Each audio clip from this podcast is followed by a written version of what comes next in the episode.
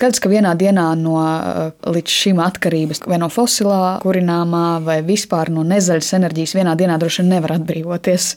Bet kā mēs tiekam ar to galā šobrīd, ar to tieši kritisko?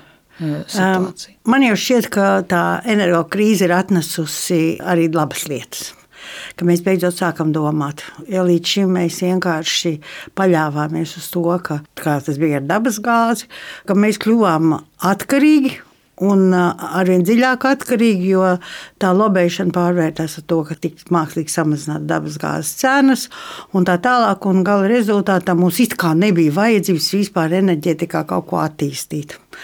Un tagad tā enerģētiskā krīze ir atnesusi precīzu vēstījumu. Atvainojiet, jums jākļūt energo neatkarīgiem. Un jautājums, vai mēs tādi varam kļūt? Jā, varam. varam. Bet, eh, ja par tempu un, un veidiem pagaidām, kā mēs to darām? Tas lēnais temps pagātnē, viņš tagad ir pārvērties jau tādā, ka, piemēram, es Saules enerģijas asociācijas valdē un ja mēs prognozējam divreiz mazāku šī gada megavatus, uzstādītos megavatus, un mēs esam optimisti, mums likās, ka tad jau būs labi, ka šobrīd saules elektroenerģijas iekārtas attīstās ļoti ātri, tempā, un tā pozitīvā ziņa ir tā, ka tā ir kliedētā enerģija. Tad līdz ar to mums nav ļoti, ļoti jāsatraucās par to, ka tas būs ļoti liels sloks elektrotīkliem, jo faktiski to elektroenerģiju, ko saule saražo, saražo uz vietas un patērē uz vietas. Un, ja pareizi uzstāda, tad atmaksāšanās laiks ir normāls, kaut kādi pieci gadi, un, un tajā brīdī arī tīkliem nav nekādas slodzes, jo nekas netiek nodots tīklā. Bet, ja uzstāda vairāk, tad sākas tās problēmas, kuras tad vajadzētu vienkārši paredzēt, prognozēt un saprast, ko ar to tālāk darīt. Bet par vēju runājot, Jā. tas ir cits stāsts. Kā ir ar vēju? Tad, kad holandieši aktīvi sāk, tas bija kaut kāds 40 gadus atpakaļ, kad holandieši bija pirmie. Tas bija tas interesantais moments, ka viņi stādīja visās vietās un, un piedāvāja, jūs varat nopirkt zaļo enerģiju. Un tā maksās dārgāk, un bija tādi uzņēmumi, tādi patērētāji, kas to darīja. Tur nebija nekādas problēmas. Kāds varēja izvēlēties, gribu zaļu enerģiju, gribu fosilu enerģiju un tā tālāk. Kad dāņi to visu pārņēma, viņi to veidoja faktiski uz citiem principiem. Un, uh, tur tika iesaistīts uh, pats patērētājs tādā veidā, ka nu, viņam ir daudz salas. Nu, uz salas tagad saliek vēja ģenerators, pašvaldība uzliek. Un katram iedzīvotājam saka, gribat piedalīties. Investējiet. Un to, ko jūs esat investējuši, jūs dabūsiet atpakaļ ne tikai elektroenerģijas veidā, bet dabūsiet arī naudas izteiksmē atpakaļ. Vai mēs to varējām? Protams, ka varējām, bet eh, mēs bijām tādā iemidzinātā stāvoklī, specifiski iemidzināti. Un tajā brīdī neviens pašvaldībā netaisīja nekādas lielas trokšņus. Varbūt bija kādi protestētāji, bet viņi bija tik maz. Viņi vienkārši nebija tie noteicošie, kas vai būvēt vēja stācijas vai nē. Mēs it kā turamies tagad arī pie tiem lieliem principiem. Ne vēju būvēs liels investors, liels 50 megawati vai vēl kaut ko. Droši vien, ka varētu arī kāda pašvaldība pamēģināt. Es zinu, dažas pašvaldības, kuras ir uzasinājušas zobus, kas varētu to mēģināt darīt, bet vai izdosies iesaistīt uh, iedzīvotājs, elektroenerģijas lietotājs, nezinu.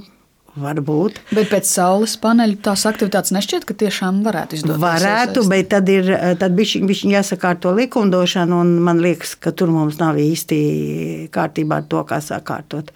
Jo te jau iestājas, nāk iekšā arī energo kopienas. Tā ir nākotne, un par to mums jādomā un jārunā un tā tālāk. Un, nu, energo kopienai arī vienkāršāk ir ar sauli un to, kas liek pāri nodot kaimiņam.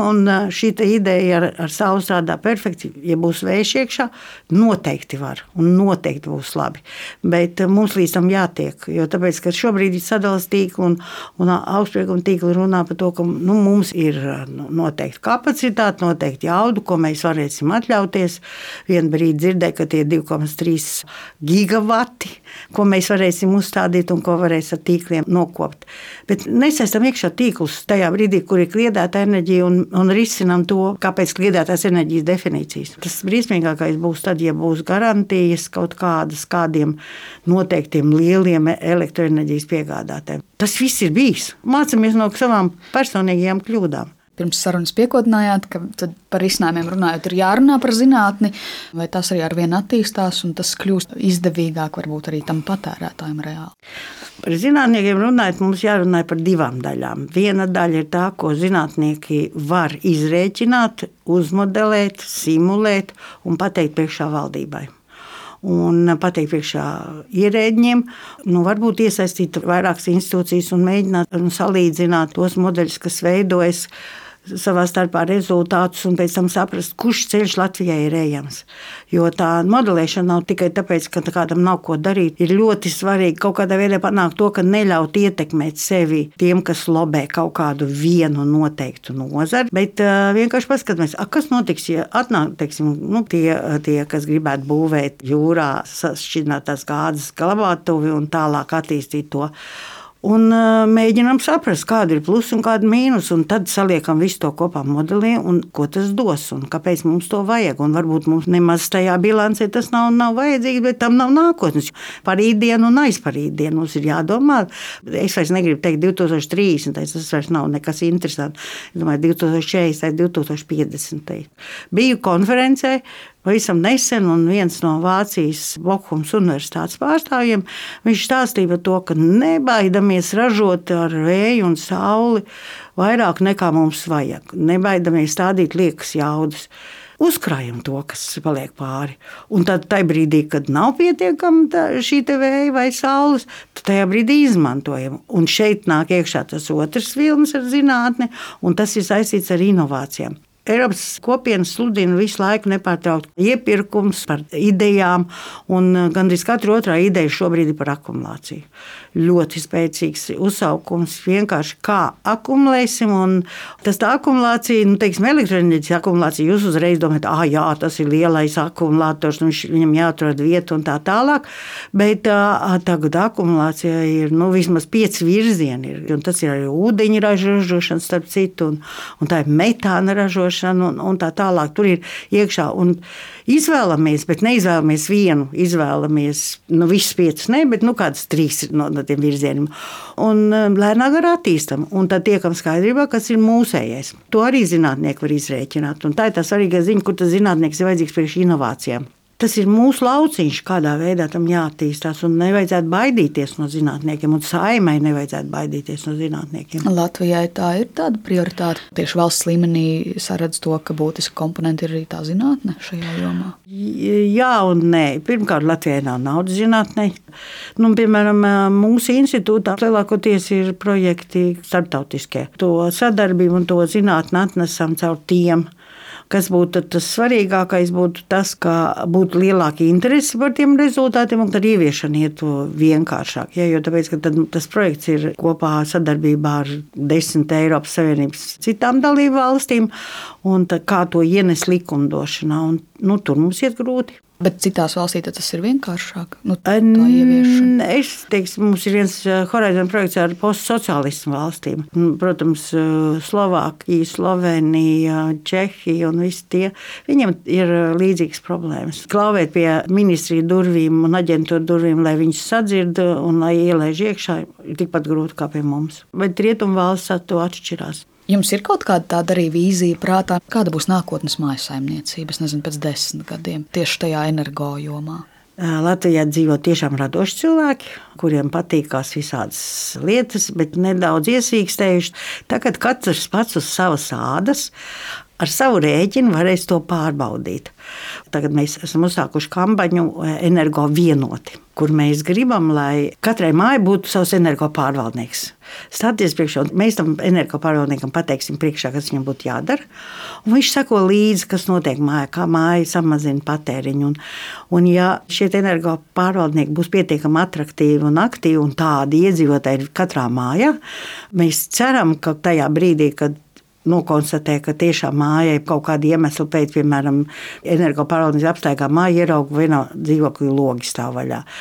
Un, ja viņš pamazām, vai viņa pamazām ies un, un prasīs, kas par lietu man pakārstu, tad tādā gadījumā ir jautājums, ko tad darīt. Vai tā ir fasādes regulēšana, varbūt tur ir kāda ķīļa jāiedzen tajā fasādē, kur ir vairāk siltums tiek padots. Ir iespēja tam, kam ir augsti, tam, tur atkal ierodas energopārvaldnieks ar savu padomu no radiatora atvelkat nost, rakstām galdu uz kapi. Nu, vēl, ne, vēl joprojām augsts, nu, paceļiet augšā aizskars uz palodzes, noliekat tajā brīdī, kad jums tas siltums ir vajadzīgs. Nu, aizliekat aiz radiatora kartonu, kas ir aptīts ar foliju. Bet tieši šī sīkuma ir būtiska. Tas, ko māja var ietaupīt, neko nedarot. Es esmu redzējis līdz 35% Latvijā tāds ir. Naktī cilvēkam guļot, taču nevajag tādu temperatūru, vai ne? Pieregulējam to radiatoru ar mazāku siltumu padevu un tā tālāk. To pasākumu ir ļoti daudz, un tāpēc tā nākotne mums tā enerģētikas krīze atnesīs to izpratni. Protams, ka būs tāda, kas visu laiku nepārtraukti stāstīs, cik viss ir slikti. Nu, es gribu teikt, ka tā ir tā tāda spēle, kā es sevi savākšu. Bet, ja atkal mēs atgriežamies pie tieši pie tā Eiropas konteksta, būs krietni atšķirīgs. Tur viens valsts vairāk attīstīts šajā jomā, un varbūt citās atkal atpalicība lielāka. Kā liekas, vai tas iestāja Eiropas Savienībā? Vienoti. Jā, tad, tad mums nevajag, lai citi par mums rūpējās, mēs varam paši. Un tiklīdz mēs sakārtosimies ar atjaunojumiem energoresursiem, mēs jau būsim sev principā nodrošinājuši. Mums ir lielās hidrostācijas, Mums ir saprātīga politika, un mēs neatbalstam to, kas grib kaut ko no valsts, bet pats zina, kā rīkosies un kā attīstīsies. Un tas uzreiz dod jau tādu garantiju mums. Un par energoefektivitāti runājot, es pašlaik esmu dalītām jūtām. Es vienkārši domāju, ka Tas, ka pasīvās mājas pie mums būs daudz, es nedomāju, ka būs. Tās ir ļoti liels investīcijas. Tas ir optimizācijas uzdevums, kas ir vienkāršāk nopirkt vairāk enerģiju vai ieguldīt ļoti daudz līdzekļus ēkas izbūvē. Un tāpēc, ja mums būs enerģijas pārpalikums, tad būs elektroenerģija būs slēgta. Un, piemēram, lielie siltumapgādes uzņēmumi nākotnē Es domāju, ka tā būs visa Eiropa, ka strādās uz, uz avotu elektroenerģiju, atjaunojamā elektroenerģija. Citas Eiropas Savienības valstis, tās, kurām ir savs iegūs, nu, Polijai ir, ir akmeņogļu iegūs. Kamēr nebūs izdomāts, ko no akmeņogliem vēl var ražot, un noteikti var ražot kaut kādu produktu ar augstu pievienotu vērtību, varētu būt, ka, ka tas arī varētu aiziet kaut kādā virzienā, un ka poļi saņemsies un pie tā strādās. Tāpēc tās valstis, kurām ir fosilo resursu ieguve savoti, viņi mēģinās saglabāt mēģinās atrast, kā to darīt, bet tas neatiec uz Latviju. Mums nekā nav. Tāpēc Mēs esam ļoti laba valsts Eiropas Savienībā ar to, ka mums nekā nav no ieguvēm, fosilo resursu ieguvēm. Bet, ja par zaļā ceļa iešanu vēl paturpinām, tad kā ir, vai līdz ar Krievijas karu Ukrainā ir mainījies kaut kā zaļā kursa prasības šajā jomā, un viņš ir mīkstinājies? Tas zaļais kurs, es pieņemu to, ka būs kaut kāds brīdis, kad bišķiņi, bišķiņi atkāpsies uz atpakaļ prasībām, bet tas nebūs vairāk par pieciem gadiem. Bišķiņi, teiksim, nu, teiks, jā, uz pieci, pieci gadi būs mērenāks, un tad pēc tam atkal mēģināsim sakārtoties, mēģināsim iet uz klimata neutralitāti. Klimata neutralitāte pat par sevi ir virzītājs spēks. Jo tāpēc, ka tie cilvēki, kas agrāk vispār par energoefektivitāti gandrīz nemaz nedomāja, šobrīd sāk jau domāt. Un tā ir tā labā lieta, ka tērēt enerģiju tik, cik vajag, tērēt resursus tik, cik vajag. Un tajā brīdī, kad tērē resursus tik, cik vajag, tad arī samazinās sega emisijas un tā tālāk. Tā sistēma ir kopā. Nevar izraut no elementa vienu lietu un teikt, jā, mm, briesmīgi, tagad e, energoresursi ir tik dārgi un tā tālāk. Nē, tagad ir brīdis sakārtoties. Vai ir tā kaut kāda izcilāka valsts vai priekšzīmīgāka? Tās ir Zviedrija, Dānija un Somija. Bet tas ir pateicoties sabiedrības domāšanai, vai tīri politiski viņi ir spēcīgāki tajā jomā, kā viņi vairāk par to domā? Tas ir pateicoties tam, ka sabiedrībā tas ir kā reliģija. Es gribu būt efektīvs, un es Es atceros, kā bija. Es 93. gadā aizbraucu strādāt uz eh, Stokholmu Karalisko Tehnisko universitāti un dzīvoju Latviešu ģimenēm, nu, kas kara laikā pārbēguši bija uz Zviedriju. Un pirmajā vakarā, kad es ierados, tad bija tā saimniece un viņas divi dēli ar ģimenēm. Mēs tur sēdējām un ēdām vakariņas. Un, un es pēc tam saku, es nomazgāšu traukus. Un es viņas nomazgāju. Nākamajā dienā tā saimniece teica, nē, nē, nē trauks mazgāt šeit, tu tikai viņus noliec. Nu, kas par brīnumu? Un es pēc tam sapratu, es mazgāju traukus tekošā ūdenī. Un jūs saprotat, cik tas ļoti precīzi parādīja to. Tas viņiem tas nav skopums. Tas paradums, ir, tas jā, ir dzīvesveids, lai mēs līdz tādam līmenim tiktu. Mums vēl ir tā pagātne, kurā mēs tikai runājam un neko nedarījām par energoefektivitāti un par resursu tāpīšanu un tā tālāk. Un tur dzīvot, es vērojot, es to redzēju ikdienā, ka tas viņiem tas ir svarīgi. Nu vai no nākotnes Latvijas arī tāds būs? Nākotnes Latvijas noteikti tāds būs. Nav variantu.